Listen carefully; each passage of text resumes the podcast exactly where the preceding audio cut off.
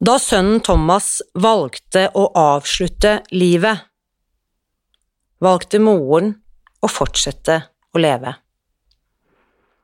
Nå forteller Anne Gillebrekke hvordan klare linjer rundt mat og måltider har gitt henne kraft og styrke til å takle sorgen.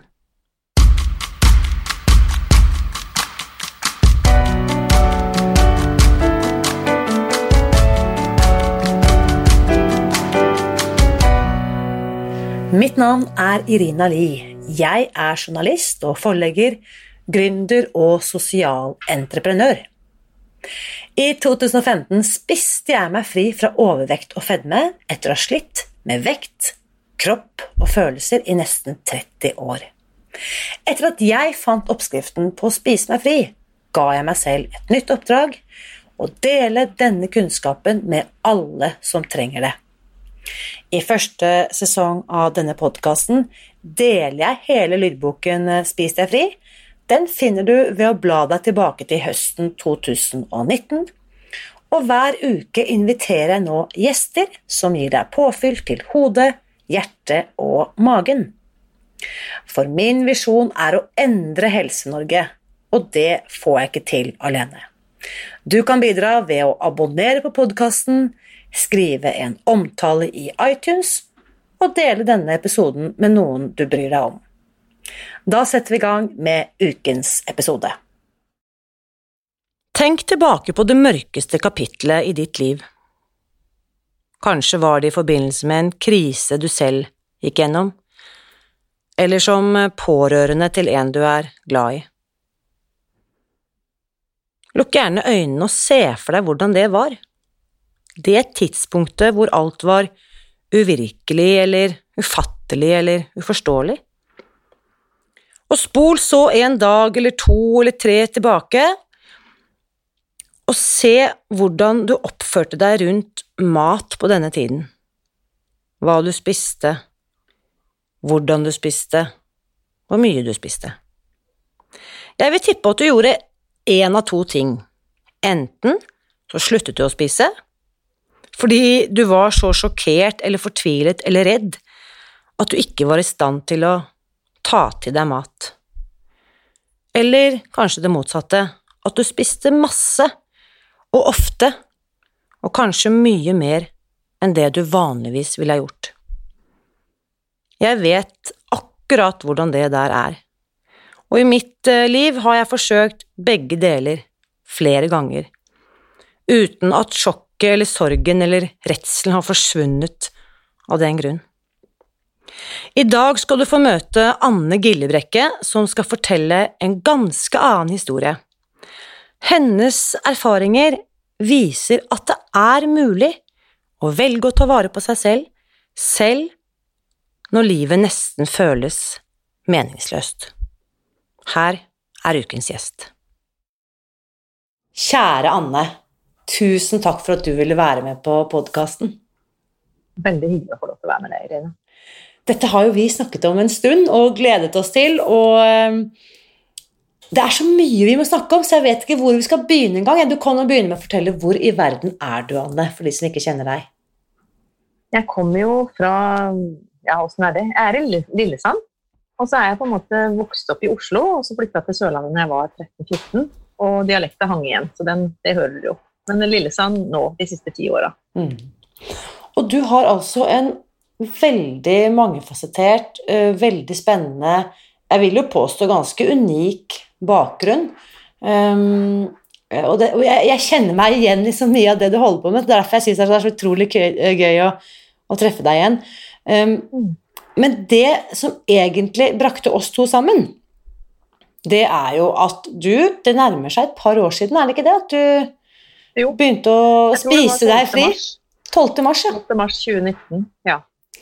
Nei, det må vel ha vært eh, Ja, 12. mars ja, året før koronaen, selvfølgelig. 12. mars, så tenker jeg bare på ja. Mm. To år nå i mars. Eh, 12. mars, ja. Eh, og hva var det som motiverte deg til å gjøre det, Anne? Hva, hva, er din historie rundt mat og kropp og måltider og vekt og helse? Eh, nå sa du kanskje litt om det i introen, eller sånt noe, men, men eh, det som er uh, greia, var jo at jeg har hatt fem-seks operasjoner i beina fordi at jeg har dårlige knær. Ligget på beina og pelt jordbær i ti år. liksom Vi har drevet med det i tillegg til mye annet rart. Det har jeg ikke sagt at jeg var bonde, det glemte jeg å si. Men, uh, men i hvert fall så, så etter hvert når at Jeg har jo akkurat fylt 60 år, ikke sant. Så, så det der med å ha fire barn, fem barnebarn og tenke at jeg skal være her lenge for disse barna mine, og jeg skal være opplatt, hva er det jeg kan gjøre for noe for det? Så det var liksom egentlig sånn liksom tida for meg når jeg besøkte sønnen min som bodde i Oslo eh, i februar. Så fant jeg bare ut at dette, var, dette går ikke lenger. Han måtte nesten bære meg opp de fem etasjene. Jeg hadde så vondt i beina når vi hadde gått rundt i Oslo. Så da lovte jeg egentlig han at nå, nå er det slutt. Altså, jeg er nødt til å kvitte meg med at jeg kan ikke gå med liksom Da trodde jeg kanskje det var 10-12 kilo for mye. Så når jeg kom hjem, da, så kom det en liten sånn Facebook-kling ikke sant? som plutselig snakka om 'spis deg fri'. Jeg hadde aldri hørt om det før. Så det kom gjennom en Facebook-greie at, at, det plutselig føltes som at jeg var kommet hjem. Liksom. At det her er det jo noe som stemmer, etter å ha prøvd 100 forskjellige ting som veldig mange andre på, på podkasten din har gjort. Mm. Altså det er sånn Du kommer og ramser opp, og så sitter den bare og nikker. Altså, ja, det har jeg vært innom, og den og den, og Rikshospitalet med sukkerbit og kaffe, og opp og ned og fram og tilbake. Ja. Fordi du har også da en. Så du har også på en måte en i gåsehudene livslang erfaring med det å ikke få til det å slanke deg? Mm. Mm. Jeg, var vel, altså jeg vokste opp med en far som prøvde å slanke seg, for han var mye ute og reiste.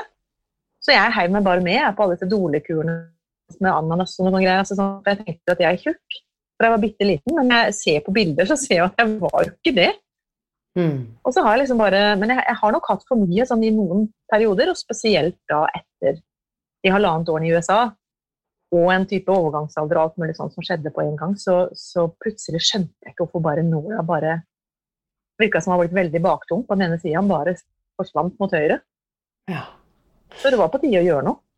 Så eh, helse, selvfølgelig, og ikke minst det du sier også om å være til stede for familien din, barna dine, barnebarna og alle de. Og, og, og gi deg selv et lengst mulig liv, da. Ja, ikke sant. Det er veldig, altså, En merker jo opp igjennom hvor mye mat gjør. Mm. Du spiser altfor mye eller spiser feil, så blir du bare kjempetrøtt og sliten. Og ja, Det blusser opp betennelser her og der, og litt sånn, så det, det henger jo sammen. Mm. Jeg er jo utdanna sykepleier, så jeg kan jo litt om litt sånn kosthold og sånn, men men å skjønne at det Altså, rett før jeg Nå holdt jeg på å si beit på agnet. det er litt feil, men jeg skal heller si rett før jeg fant dere, liksom. Så hadde jeg hørt på en sånn hjerneforsker. Jeg ble veldig fascinert av disse her tre dager med 21 og hvordan går det an å forandre tankemønstre? går det an å forandre alt dette her på jeg, jeg syns det er kjempespennende. Mm. Så jeg skulle akkurat spørre deg, Hva var det spesielt i den om det var det Facebook-innlegget eller webinaret du var med på, eller jeg vet ikke hvordan du først kom inn. Hva var det, hva var det som spesielt fanget interessen din? Jeg tror det var det at det var forska på at sukker og mel har en sånn avhengighetsgreie. Altså Det var så direkte inn. Jeg husker jeg satt i stolen liksom inne på kontoret og bare fikk sånn ha-opplevelse på at dette stemmer jo. Mm. Det er derfor det er altså Som du har snakka om mange ganger, og det er ikke fordi at jeg er spesielt sånn viljesvak, for jeg har jo så mye viljestyrke til alt annet. Mm. Så hvorfor i huleste går jeg og Jeg kan ikke kjøre bil uten å stappe i meg tyggis eller nøtter eller Altså, jeg må ha noe hele tida. Mm. Sånn, sånne settinger, ikke sant. Og på kvelden så er det det og det. og på det er bare sånn der, Når jeg skal ha en eksamen på skolen at Jeg har jo gått på skole i mange år. Det er sånne settinger hvor du må putte i deg mat. Ja. Det er morsomt at du nevner det med biltur, for nå fikk jeg akkurat sånn flashback til det der, du vet det siderommet på, på ja, ja, ja. førersiden. ikke sant? Alt det jeg hadde stappet inn der, og det var liksom eh, egne greier som jeg alltid hadde når jeg hadde, var på bil, biltur, eller bare på korte kjøreturer, om så skulle være. Så den, eh, den, den fikk jeg en påminnelse om nå, så sånn er det ikke lenger. Sånn er det ikke lenger. Ja. Nei, nå er det ingenting. Jeg kan ikke ha tyggis heller. Noen klarer jo det, men altså for meg så er det, det er ikke én tyggis, det er fem, og så er det så er det, jeg er lei av at jeg setter meg inn i bilen, og det er nesten før jeg tar på meg bilbeltet som må ha tyggis. Så da fant jeg ut at dette er en avhengighet for meg som ikke jeg har lyst til å ha. Ja. En avhengighet og i veldig stor grad en uvane. Og det som er interessant, apropos siden du nevner hjerneforskningen, fordi dette lurer noen på, er man enten avhengig eller ikke? Hvis jeg på en måte klarer det fint og bare spiser godteri på lørdager, kan jeg bare fortsette med det? Og det Susan Pierce Thompson, forfatteren av boken 'Spis deg fri', sier, er jo at Du kan spise på deg masse livsstils- og øh, relaterte, kostholdsrelaterte livsstilsplager, ikke sant, eller helseplager. Mm. Så, og du kan også spise deg inn i dårlige vaner. Så det er ikke sånn, selv om kanskje du og jeg da, fra naturens side har lettere for å bli hekta på disse substansene, så Mm. selv om man i utgangspunktet kanskje ikke nødvendigvis er spesielt disponert for avhengighet, så kan du faktisk utvikle det hvis du over lang nok tid har spist dårlig nok. Mm. For har, disse substansene, sukker og mel, har jo noen egenskaper ved seg som er eh, nesten umulig å ikke bli hekta på, da. Mm. Ja, for det er det jeg tenker sånn til vanlig. at det, Jeg passer ikke inn i den kategorien. For jeg har liksom aldri vært spesielt avhengig verken av spill eller alkohol. eller jeg prøvde å røyke litt, men det var ikke så veldig flink til. Men, men, men poenget er jo bare at det, det handler om det, det, altså De der mekanismene som skjer oppi hjernen, jeg syns bare det er kjempeinteressant. Og I tillegg så må jeg jo si at jeg har jo to familiemedlemmer som har diabetes 2. Det er klart det å, å, å tenke at jeg skal være føre var, altså. Jeg skal ikke, for jeg har både liksom, Nå er jeg blitt overvektig skikkelig, og så spiser jeg ikke sunt. Spist masse pasta og ja, sånn lette, billige ting i USA da jeg var student, ikke sant, i halvannet år. Sånn at jeg, tenker sånn plutselig så snur det her og kommer imot meg. Mm. Så det er mye som motiverer liksom, til at jeg skal ha mer overskudd. Jeg skal være mer fornøyd med kroppen min. Så Mm. skal jeg ikke utsette meg hvis jeg kan gjøre noe for det. da. Jeg har jo også, jeg vet at du bodde i USA i voksen alder, og det har jo jeg også gjort. Jeg var der borte i to år, det begynner å bli en stund siden, men det er jo nesten umulig å bo i USA. Jeg kjenner ingen som har bodd i USA uten å legge på seg en god del amerikakilo. Jeg vet ikke, har du antall, vet du hvor mye du la på, la på deg i løpet av dine halvannet år der borte? Altså, jeg husker bare når jeg var 17 og jeg var utvekslingsstudent, så tror jeg jeg la på meg 20 kilo. Og når jeg var der nå, jeg vet ikke. Altså, jeg hadde ikke noe vekt, for å si det Nei. sånn, men det var jo ingenting som passa. Vi hadde bare sånne stretchbukser. Collegegensere og stretchbukser. ikke sant? Det ble sånn, men jeg ser jo på bildene at jeg var jo ganske mye større enn jeg er nå. Ja, fordi bare la oss ta liksom det, det eh, tallfestbare fakta. Eh, mars 2019, nå er vi i januar 2021, knappe to år etterpå. Hvor mange kilo gikk du ned, Anne? Du antok at det var 10-12 kilo du ville bli fri fra. Ja, men samtidig så fikk jeg så mye guidance underveis om at det la kroppen bestemme. Så jeg ble veldig flink til å lytte til kroppen. Det synes jeg, altså jeg syns sånt er spennende. Skal kroppen min fortelle meg åssen For jeg var ikke sånn at jeg dissa kroppen men Jeg så liksom på meg sjøl at det, Oi, har du liksom disse bulkene på magen har ikke du hatt før? For jeg la aldri på meg på maven. Jeg kom alltid på rumpa og låra, liksom.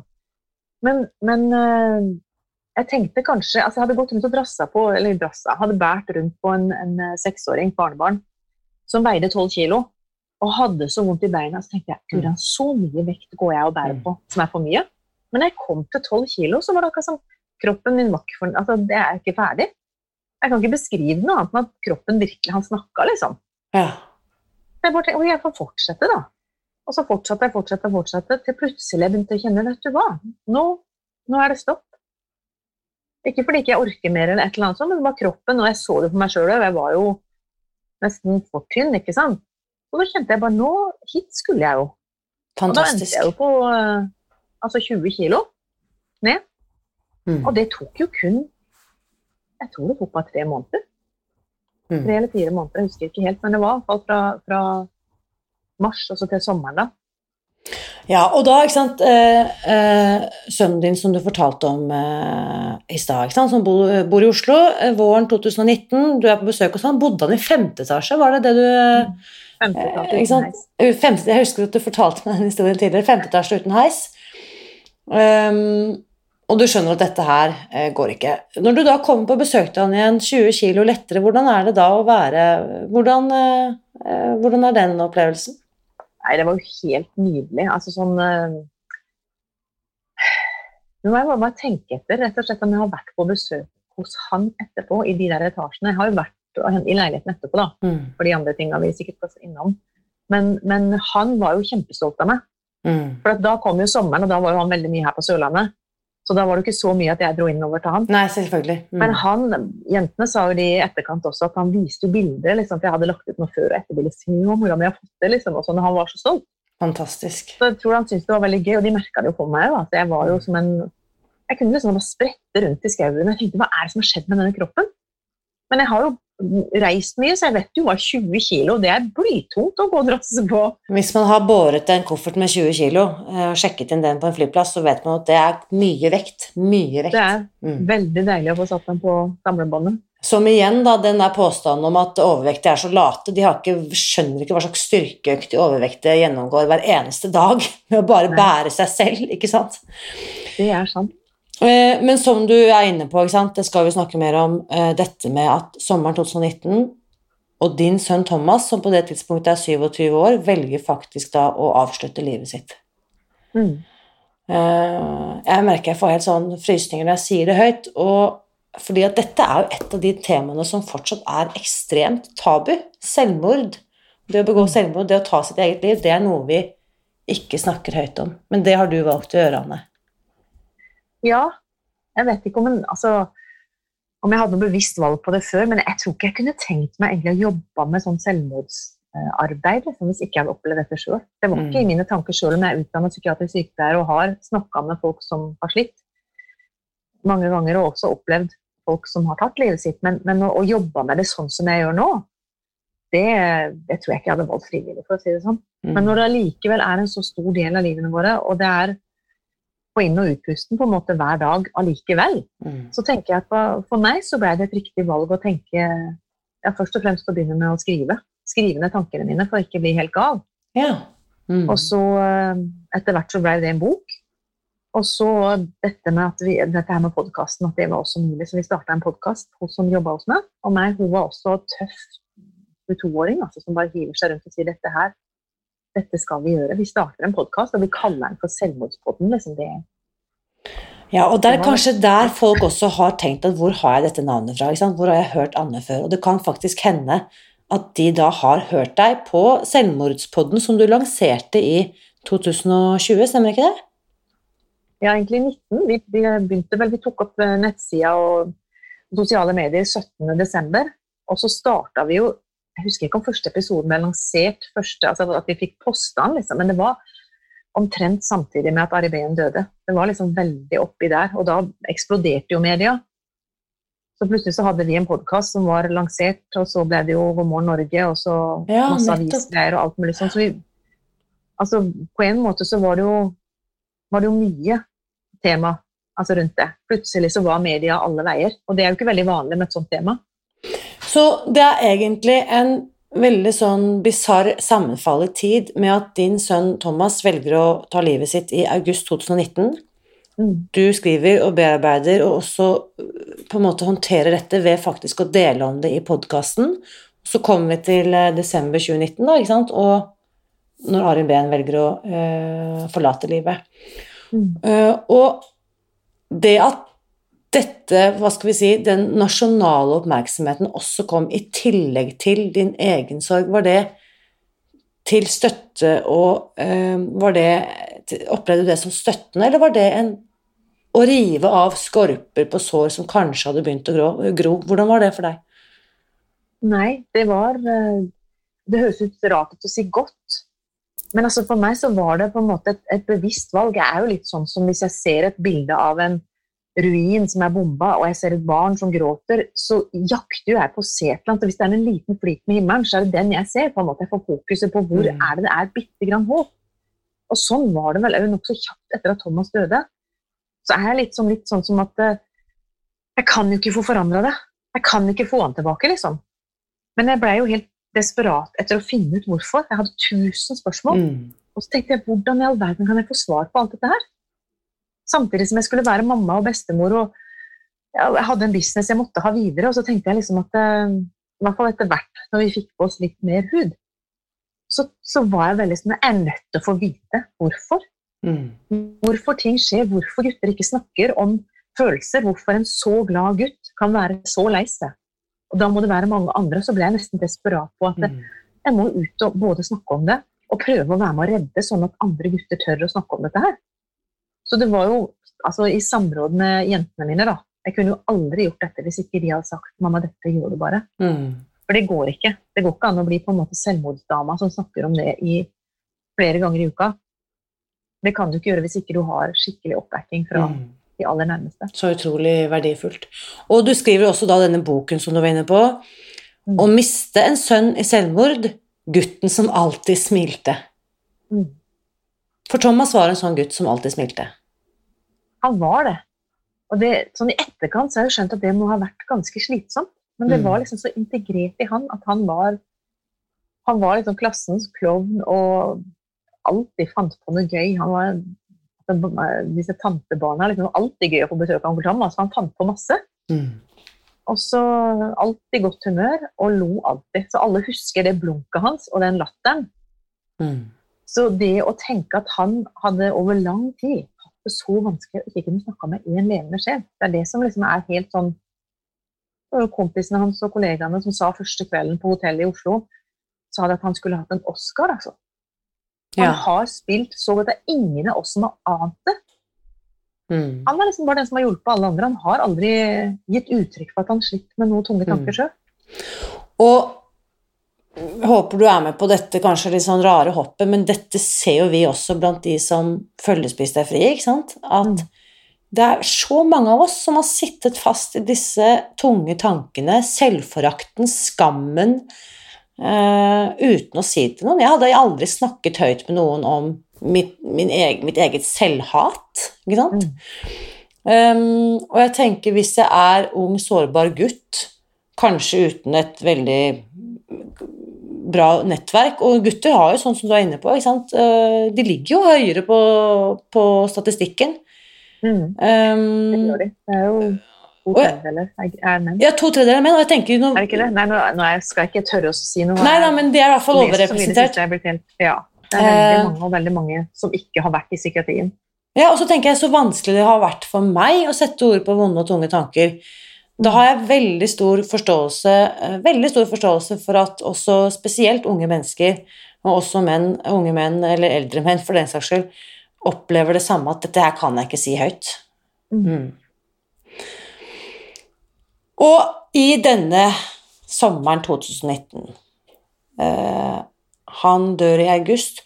Hva, hvordan påvirker det deg i det vi snakker om her i forhold til dette med maten og rutinen og det som kanskje noen opplever som veldig sånn hva vet jeg, overfladisk eller uviktig i den store sammenhengen, spesielt når man står midt i en tragedie. Hvordan funket det for deg? Hvordan påvirket det deg, Anne? Eh, Det er jo det er mange som ikke helt skjønner hva jeg holder på med. Når skal du slutte med det greiene med at ikke du spiser sukker og mel? Liksom sånn, ikke sant? Men samtidig så ser jo folk at jeg har det himla bra, og at jeg ser fin ut på en måte i forhold til at jeg klarer å holde på det. At ikke det er noe sånn opp og ned og ta seg sammen og bare tygge bacon og ikke altså sånn, det, er, det har jo vært så mange sånne «Åh», Og så blir du bare så drittlei at du bare må hive det ut. Så for meg så var det vel kanskje sånn at jeg husker i begravelsen når alle disse flotte damene stilte opp og skulle lage kaker og alt mulig, og alle som sa til meg Anne, nå må du jo begynne å spise igjen, du er så tynn. Da hadde jeg akkurat tatt av meg alt. Så jeg var jo litt Du ser litt skranten ut når du tar deg så mye på kort tid. Ja, enig Så i det går Mm. seg jo til i løpet av det neste året, men sånn i begynnelsen så klart så, så jeg tynn ut, og jeg var jo dritlei. Jeg var jo så lei meg at jeg hadde grener masse og sånn, så du ser jo ikke helt, eh, helt ut som du er frisk, nesten. Men jeg kjente at vet du hva, enten så kommer jeg til å bare slutte å spise helt, for dette er ingenting som gir mening av dette her, eller så må jeg tenke at dette er redningsplanka mi nå, midt oppi alt. Det er det at jeg i hvert fall ikke nå, det sa jeg ganske bestemt til flere òg, i hvert fall nå så skal jeg følge disse fire linjene. Mm. Så helt i begynnelsen, når ikke jeg klarte å sove og spise, så klarte jeg faktisk å spise tre frokostporsjoner hver dag. Jeg klarte ikke å spise grønnsaker sånn helt i begynnelsen, men jeg tenkte jeg skal i hvert fall klare å holde tre av de fire linjene eller et eller annet sånn. Så jeg klarte å spise knekkebrødene mine, frukt, og, og veide praktisk nesten fra første dag, for jeg tenkte det er livsviktig for meg at ikke kroppen min mister all energi nå, for det er jeg, jeg kan ikke kollapse, liksom. Mm. Så i ditt livs største og tøffeste krise, så bruker du disse linjene eh, og disse fire klare reglene rundt eh, mat og måltider som en livbøye. Mm, rett og slett. Mm. Det var det jeg opplevde som at det var en sånn Alt annet eh, var jo bare kaos. Men jeg hadde liksom i hvert fall Jeg visste hva jeg skulle spise. Og jeg var så glad hver gang, eh, hver gang jeg hadde Altså hver gang jeg hadde fått spist disse tre måltidene, var jeg så fornøyd. At nå har kroppen min det maskineriet Det var akkurat som å tenke at jeg skal herfra til, til Oslo Og så er jeg i hvert fall sikker på at jeg har bensin til å nå fram dit. Og det var sånn jeg tenkte. Liksom, at jeg, må i hvert fall sørge for det. For alt annet kan jo det kan være bratt på veien, alt kan være vanskelig, men jeg vet i hvert fall at jeg har nok bensin. Så jeg tror et eller annet sånn i hodet mitt at uh, jeg var så fornøyd med at jeg visste at, uh, alle, at kroppen min hadde fått mm. det den trengte, i hvert fall. Så kunne jeg fokusere på å prøve å få tilbake søvn og prøve å få snakka med folk og ja, mm. bearbeida dette her på en annen måte.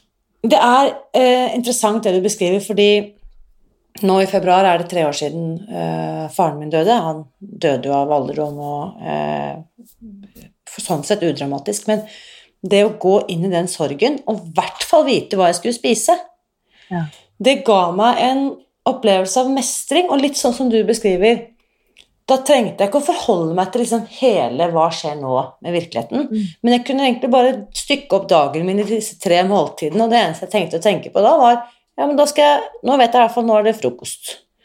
Og så får vi se. Og så er det lørdag. Altså, skjønner jeg, At da mm. kunne jeg ha liksom Legge ut noen sånne togsviller foran meg som jeg kunne Det gikk veldig sakte, føltes det som. Denne tiden, mm. når det er sånn krise, det føles ut som om alt går i sakte film. Uh, men jeg hadde i hvert fall en veldig Jeg trengte ikke å bruke et, en kalori på å tenke etter om jeg skulle nå, eller hva jeg skulle spise, for det hadde jeg på en måte, det var på plass. Mm. Mm. Ja, det blir på en måte en ro, på, i hvert fall på ett område i livet. Mm. At du kan parkere noe, det har jeg bare bestemt meg for. Så det, det skal ikke bli kaos. Mm. Men nå vil jeg også tenke at Det har rett og slett betydd mye for meg, Rina. Jeg, har, jeg vet ikke om jeg får takka deg ordentlig, men det, det, føles som en gavepakke, dette nye livet. altså. Det gjør det bare, rett og slett. Tusen takk, Anne. Oi. Mm. Takk. Å, ja. Men du For de som nå La oss si kanskje har faktisk mistet noen i året som har gått. Vi har jo vært i hvert fall blitt fortalt historier om folk som har mistet sine kjære og sine gamle og sine pårørende i helt tragiske omstendigheter nå på grunn av pandemien og alt dette her. Rase, ja, dette. Ja. Og raset, ikke minst. Og, mm. og helt sikkert også selvmordsofre. og mange, det, mange, har jo da sikkert nettopp funnet trøst i mat, ikke sant? Det er det som er så innmari, for det blir jo bare forsterka. De vonde følelsene du har i dette kaoset, blir jo også inn mot deg sjøl. At du ser at du på en måte forfaller, og du blir ikke noe gladere av å proppe i deg mat. Du får bare mer skyldfølelse, mer skam og mer Altså, det er jo ikke noe som gir noe positivt i det hele tatt. Mm. Så det er, altså, det er bare en skikkelig gavepakke. og det virker som, Du kan ikke prate om de to tingene, altså selvmord på den ene sida og mat på den andre sida, men, men altså, det du trenger i enhver krise, det er jo verktøy som kan hjelpe deg til å finne små lyspunkter i dagen. Mm. Og for meg så er det det. Jeg gleder meg til hvert måltid, for jeg vet liksom at dette er en dette er en fest, det er noe som er bra for kroppen din. Jeg kjenner jo på kroppen at han syns det er bra. Mm. Og så får jeg bruke på en måte muskler og resten på, på de andre tingene. Da. Mm. Men hvis man i tillegg skal enten spise altfor mye, eller tenke at man nesten skal straffe seg sjøl eller ikke orke å spise, mm. så får det enorme konsekvenser for at du har ikke noe energi igjen. Du har ikke Så det ligger ganske mye styrke i å følge denne, disse fire linjene, altså. Og jeg tenker også på de andre medlemmene i familien din. Så fantastisk det må være for dem å se at mamma klarer å holde seg Få i seg næring, holde seg oppreist, holde seg sterk, da, sånn som du beskriver. ikke sant? Til mm. tross for denne krisen vi nå sammen går gjennom, så tenker jeg at du må ha vist en utrolig styrke overfor uh, de andre barna og barnebarna dine også. Ja, de, de holder jo mest narr av meg, da, men, men, det er jo bare på Det er bare godt ment, for å si det sånn. De er jeg er mm. veldig glad i de, og de er veldig glad i meg.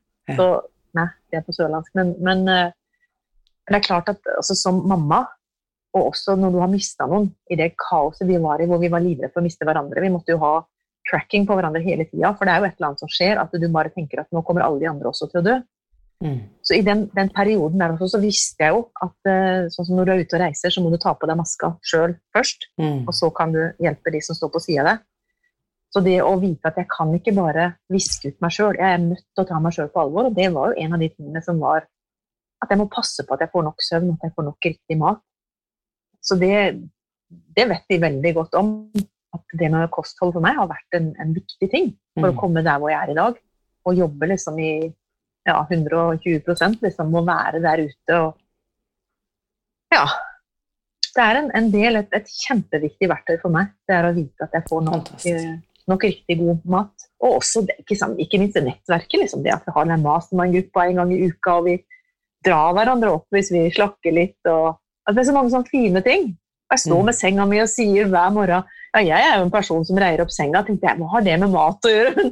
Men det er noen av disse tingene som jeg ikke var noe flink til før. Det er helt utrolig hva, en, hva disse rådene, som ikke nødvendigvis virker logiske når man først leser boken eller hører podkasten eller begynner på kurs Det virker ikke nødvendigvis logisk alt sammen.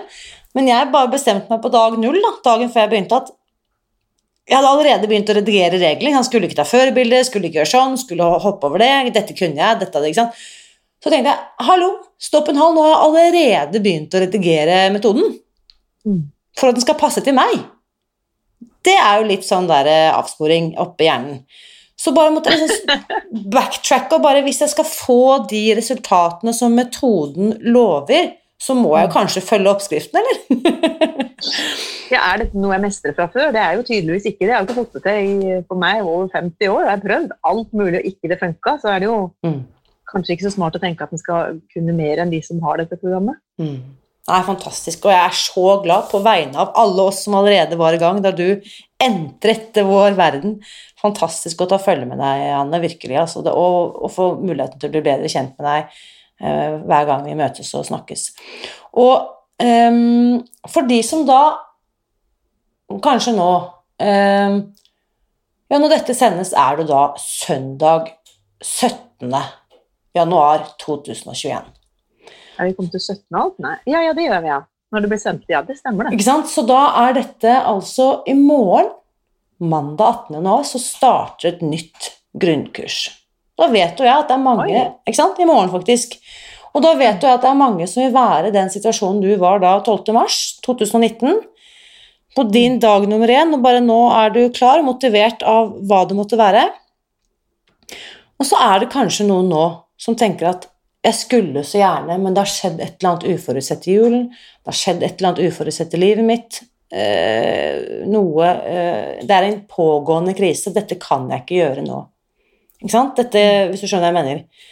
Eh, hva tenker du eh, til den personen som sliter, og som står i en prekær livskrise? Hva, hva vil du si til han eller henne? Altså Nå var jo jeg litt godt inne i Spis deg fri når Thomas døde. Men jeg tenker sånn uansett det, så tenker jeg det er en, en gavepakke til deg sjøl. Det, det må gjøre vondt nok til at du virkelig får lyst. Og hvis du da kjenner at du har lyst nå, så tenker jeg at det Du må bruke den, den gutsen der til å gå all in. Altså mm. Ikke gå inn med bare å dyppe en liten storetå og skal prøve én ting til. For det er jo altså det er en, en gavepakke til deg til deg sjøl. Og hvis det er noe tidspunkt du må passe på deg sjøl, så er det jo kanskje nettopp om du har opplevd et eller annet tragisk, eller om du bare kjenner at du er kommet til en sånn plass i livet hvor jeg har lyst til å være fornøyd med hvordan jeg ser ut og hvordan jeg, hvordan jeg har det. Jeg har lyst til at nå skal det handle om at jeg skal ha det bra. Jeg tenker Det der å drive og utsette, eller det er jo aldri noe tidspunkt som passer noe spesielt greit i forhold til at det er påskeferier, og så er det juleferier, og så er det alt mulig rart som som uh, holder på. Så det er liksom Jeg tror en kan kjenne Det er liksom litt å kjenne etter i maven på at er dette tida for meg? Dette gjør jeg ikke for alle andre, dette gjør jeg egentlig for at jeg skal ha det bra.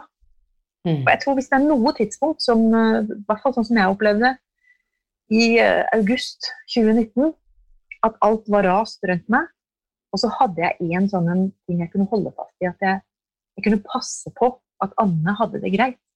Med, altså at innsida mi fikk mat. At, at, at, jeg fikk det jeg trengte. Jeg trengte mm. all den styrken som jeg kunne få. Og den gode maten Og jeg elsker det ennå. Jeg er ikke lei. liksom. Jeg gleder meg til frokost. Jeg synes Det er deilig å legge meg på kvelden og ikke være liksom stumett. ikke sant? Av og til skal jeg telle timene jeg våkner. Å, nå kan jeg ned og la, nå skal jeg, I dag skal jeg ha to egg, jeg skal ha ditt, jeg skal ha da. Altså, sånn. Det er så gode rutiner, det er så god mat, det er så variert at eh, jeg blir ikke lei. Mm. Jeg opplever også mye av det du beskriver, både det å glede meg over helt hverdagslige små ting Jeg husker liksom midt i juleferien her, og liksom romjulen og virket uendelig lang og, sant, med alle nedstengninger og alt. Så tenkte jeg sånn Jeg lengter etter en mandag i januar, når vi bare er tilbake til hverdagen. Vanlige rutiner, ikke sant. Liksom sånn. Uh, og det er jo egentlig sånn motsatt av hva jeg ville tenkt før. ikke sant? Liksom, å leve for ferier og høytider og alt dette her. Men liksom de små ting, å kunne glede seg over frokost, smake liksom Lukte på en te, nyte den koppen, gode samtaler, og ikke minst det enormt kloke, rause fellesskap som vi begge er en del av. Det er helt unikt, det vi Det er det, altså. Ja. Mm. Men, men, det som folk tror, er jo det at du kan ikke Hvordan går det uten brød? Hvordan går det uten Men altså veldig fort så, så får du jo noen sånne både verktøy og hjelpemidler.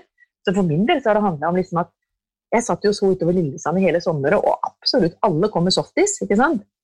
Og jeg har altså så innarbeida i mitt hode at det, liksom, jeg er bare så takknemlig for alle de softisene jeg har fått i over 50 år. ikke sant? Da har jeg spist softis. Så eh, der havna jeg på å bli takknemlig for hver ting. Og sånn ser jeg jo når jeg ser på de vonde greiene med sånn Delfia-fett og sånn i jula. Det frister meg ingenting. Og hvis jeg får, altså, ser at de andre spiser masse av det, så tenker jeg åh, så deilig. Jeg, jeg, kjenner jo smaken, jeg husker jo åssen det var og sånn. Men det er ikke min mat nå. Jeg trenger jo ikke de greiene der. Mm. Og så går jeg og, og gleder meg til liksom, I jula så hadde jeg sånn derre Min sånn der reserveplan var jo bare å lage Jeg fikk ikke tid til å lage noe greier før jeg gikk hjem. Så mange gjør, de lager jo så mye dill og greier. Jeg tok liksom fire poser med forskjellige grønnsaker, kokte opp, putta i der, og så tok jeg med meg porsjonspakker. sånn at det, Ellers så blir det jo flaut når jeg ser på grønnsakene de serverer til, til middagene. Og så tenker jeg skal ikke dere ha noe? For det er mye grønnsaker vi skal ha, altså. Det skal du ha. Det er ganske store kvoter. Jeg hadde alltid med en liten. Jeg bare tar det her på sida. Jeg hadde jo mm. mye større tallerken enn alle andre.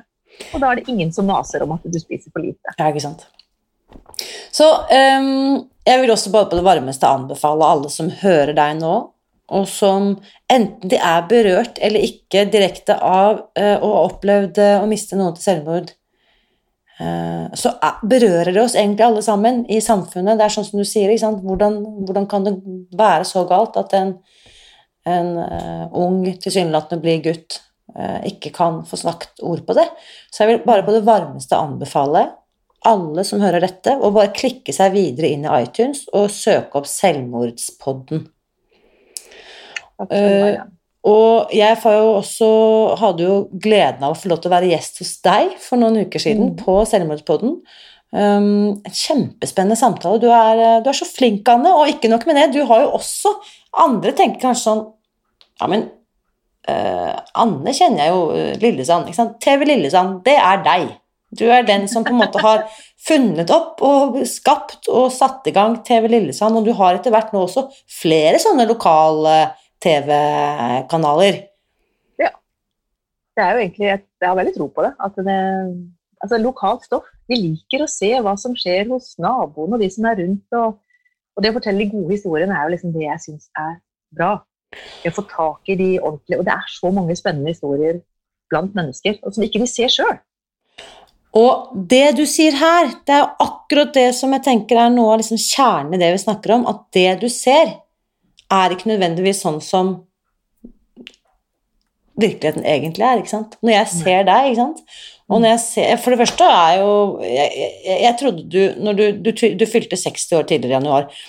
Og jeg trodde seriøst at du hadde skrevet feil i Facebook, for jeg er 44 og tenkte hele tiden at du er jo bare noen få år eldre enn meg. Kanskje hvis du hadde rund dag, så ville jeg tippet 50. Du ser helt smashing ut, Anne. Uh, og det tror jeg du må ha gjort lenge før du fant Spis deg fri, men vi kan selvsagt gi litt kred til Spis deg fri også. Ja, ta, ta all krediten, du. men, men en ting er eh, hvordan du ser ut, men energien din, gleden din, entusiasmen din, og ikke minst fortellergleden din, til og med når det er snakk om historier som ikke nødvendigvis er gledelige eller glade. Men jeg tror disse historiene, disse historiene er også så viktige at noen tør å sette ord på. Det er det, og det har vært en, en spennende vei å gå. altså. Men det jeg kjenner er jo det at når du er budskapet for noe sjøl, sånn som du og meg Vi har jo ikke sittet og planlagt noen spørsmål. Jeg ante ikke hva du skulle stille meg av spørsmål. Men jeg liker egentlig det best. Jeg liker best live. Og det er mm. sånn jeg også altså Bare i jula nå så har jeg rekruttert tre stykker som skal begynne. ikke sant? Og bare, Her er linken til grunnkurset, her er ditt og datt. ikke sant? Så jeg blir bare, jeg liker å være budskap for det jeg holder på med. Og da Mm. blir det jo sånn også med Alle vet at Thomas er død, og alle vet dagen, altså Samme dagen visste jo alle at han også var død av selvmord. Alle vet at Anne har forandra seg veldig. Eh, med, altså, noen syns kanskje det blir helt sprøtt å sammenligne disse to tingene våre som vi brenner mest for, men det henger sammen. Det henger sammen. Så vi blir jo også budskapet for det som eh, At dette med maten er ikke noe som De, de kjenner meg jo. altså På kafeen er jo masse Jeg er veldig ofte oppe på stjernehimmelen her oppe. Og de bare «Oi, 'Nå kommer Anja. ja.' Da er det mye grønnsaker og ikke brød. og så litt sånn, Vi putter oppi litt ekstra tunge ting til henne. så liksom, Alle vet jo hva jeg skal ha. Så det er ikke noe sånn veldig Mm. Ja. En får lov til å leve dette livet og være seg sjøl og ikke prøve å være noe annet. For det er det siste jeg vil. altså. Fantastisk. Prøve å late som jeg er noen annen. Og da, da blir det også åpenhet. De du møter, tør også å åpne seg. Mm. Åpenhet tror jeg er jeg, jeg tror på en måte det kan stå igjen som en sånn gyllen portal over denne samtalen, Anna, at du har virkelig vært med å bryte opp noen uh, stengte dører. Uh, først og fremst høres ut som i deg selv, men også til hjelp for utallige andre. Både i forhold til mat, og også ikke minst i forhold til selvmord. Mm. Så jeg må bare si eh, Jeg vet at vi skal snakkes snart igjen, og vi skal se snart igjen, så, så snart eh, eh, på en måte forholdene legger til rette for det. Og så vil jeg bare på det varmeste takke deg, Anne, for at du deler din historie og bidrar til å skape masse håp også i de mørkeste stunder. Tusen, tusen takk. Og tusen takk tilbake igjen til deg. Jeg Skal prøve å gjøre det denne gangen uten å grine. Jeg blir bare rørt. Men Irina, du må også ta tusen hjertelig takk for alt det du har betydd for så mange rundt. Vi hadde ikke klart det alene. Og det er det der fellesskapet du har klart å, å skapt, og så mye du har bydd på av deg sjøl, som jeg bare tar av meg, tar av meg hatten her, her og nå. Å, nå ble jeg helt sånn. Ja. Nei, men tusen takk. Takk, jeg tar det til meg. Jeg øver meg på å ta det til meg, så takk. Det er bra. Da ses vi snart igjen, Anne. Takk for i dag. Takk for i dag. Nå lurer jeg på, hva tenker du etter å ha hørt min samtale med Anne i dag? Hva kjenner du deg igjen i? Og var det noe som overrasket deg? Sist, men ikke minst, hva er dine strategier for å ta vare på deg selv når livet blir tøft? Uansett hvilke følelser og tanker du har kommet i kontakt med i løpet av denne episoden, så vil jeg veldig gjerne høre fra deg. Så jeg vil invitere deg til å bli med over i den åpne Facebook-gruppen Spis deg fri, hvor samtalen etter dagens episode fortsetter. Anne Gillebrekke deltar også i denne gruppen, og jeg vet at eh, hun også vil sette stor pris på å høre dine tilbakemeldinger. Helt til slutt. Eh, Sist fredag, det vil si for to dager siden, så stengte vi påmeldingen til neste grunnkurs, som starter i morgen, vil si mandag 18. januar.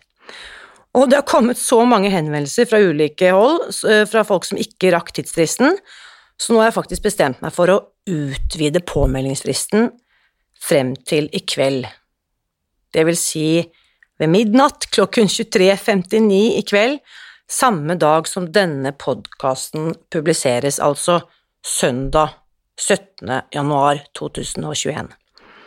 Og du kan melde deg på ved å gå til spisdegfri.no grunnkurs, og dette er absolutt siste frist, for i morgen, på mandag, så starter vi kurset. Eh, og selv om dette åtte uker lange nettkurset er nettbasert, så er det live. Det vil si at alle som starter i morgen, eh, starter på samme dag, og så fortsetter vi sammen. Én dag om gangen gjennom åtte uker. I tillegg til selve nettkursportalen, hvor du finner alt du trenger av kunnskap og oppskrifter og gode tips, så får du tilgang til en lukket kursgruppe på Facebook, hvor det kun er du og de andre som deltar på dette kurset som får være med, ingen andre. Og her treffer du både meg og resten av teamet gjennom hele kurset, og jeg lover deg at det kommer til å skje litt av hvert de nærmeste dagene, eh, så uten at jeg kan avsløre for mye, selvsagt. Og det jeg også kan love deg, at ved å være med på dette grunnkurset, så kommer du til å bli motivert og inspirert til å ta bedre vare på deg selv. Og når du oppdager hva slags heiagjeng du har fått inn i livet ditt, så vil du også skjønne at det ikke trenger å være vanskelig. Du kan faktisk gjøre denne reisen til en Jeg vil faktisk si en ren fornøyelse. I hvert fall et, eh, et lite eventyr. Og det beste er jo at du heller ikke trenger å uh, ta noen risiko. Det er jo ikke sikkert at dette kurset passer for deg, så hvis du melder deg på nå, i dag, innen tidsfristen, så har du som alltid to uker full angrerett, så du kan teste alt, være med på grunnkurs i to uker og finne ut av ja, nei, dette funker, funker ikke, og så får du alle kurs, hele kursavgiften refundert eh, uten at jeg skal stille deg noen spørsmål om hvorfor, eller at du må forklare eller forsvare. Det er helt uh, uforpliktende. Uh, du må bare rett og slett uh, be om å få kansellere, og så er det ivaretatt. Uansett, hvis du melder deg på og har bestemt deg for at dette er året du vil spise deg fri, så gjør deg selv en tjeneste. Gå til nettsiden spisdegfri.no nå. Invester i det aller viktigste du har, nemlig deg selv og din egen helse. Det beste tidspunktet du kunne ha gjort det på, var jo selvsagt for 20 år siden. Det alternativet er ikke lenger tilgjengelig. Så det nest beste tidspunktet er i dag. Akkurat nå. Så gå til spisdegfri.no grunnkurs, eller klikk på linken som du finner i omtalen av dagens episode, og bli med. Eh, og apropos den, eh, kom på en ting til, apropos den lukkede kursgruppen, eh, så må jeg bare legge til en ting til. Det som er så genialt med den, det er at den kursgruppen faktisk er døgnåpen gjennom hele kurset. Fordi uansett når på dagen du står fast eller trenger hjelp eller støtte eller litt heiarop, så er det alltids noen som kan hjelpe og støtte og heie på deg der inne. Enten det er noen av de andre kursdeltakerne, eller jeg, eller noen i teamet. Og jeg tuller ikke, jeg har benyttet meg av denne muligheten selv flere ganger. Eh, hvis jeg f.eks. har våknet midt på natten og ikke klart å sove igjen fordi jeg har hatt et mareritt f.eks. om at jeg har drukket brus og spist uh, sjokoladekake. Uh, og da kan jeg bare klikke meg inn i kursgruppen og stille spørsmålet uh, er det vanlig å ha mareritt om mat. Hilsen nybegynner, og da går det som regel bare noen minutter før det har kommet en tommel eller et hjerte eller et utfyllende svar fra noen som vet. Og da kan jeg fortelle deg, det er faktisk helt vanlig. Når man legger om livsstilen, er det ikke uvanlig å ha mareritt om tilbakefall. På akkurat på samme måte som man kan oppleve det når man slutter å røyke eller slutter å drikke. Og når disse marerittene er knyttet til mat, så kalles de faktisk food mares på amerikansk. Så kanskje vi skal finne på et tilsvarende ord på norsk, eksempel eh, mat, matritt. Uansett, eh, dine mareritt rundt mat og måltider, overvekt og fedme, skam og dårlig selvfølelse kan slutte i dag. Meld deg på grunnkurset og ta ditt første skritt mot frihet. Jeg vet at du kan få det til, og jeg vil gjøre alt jeg kan for at du skal lykkes. Én dag om gangen. Og husk, Uansett hvilken vei du velger, så vit at jeg heier på deg. Alltid.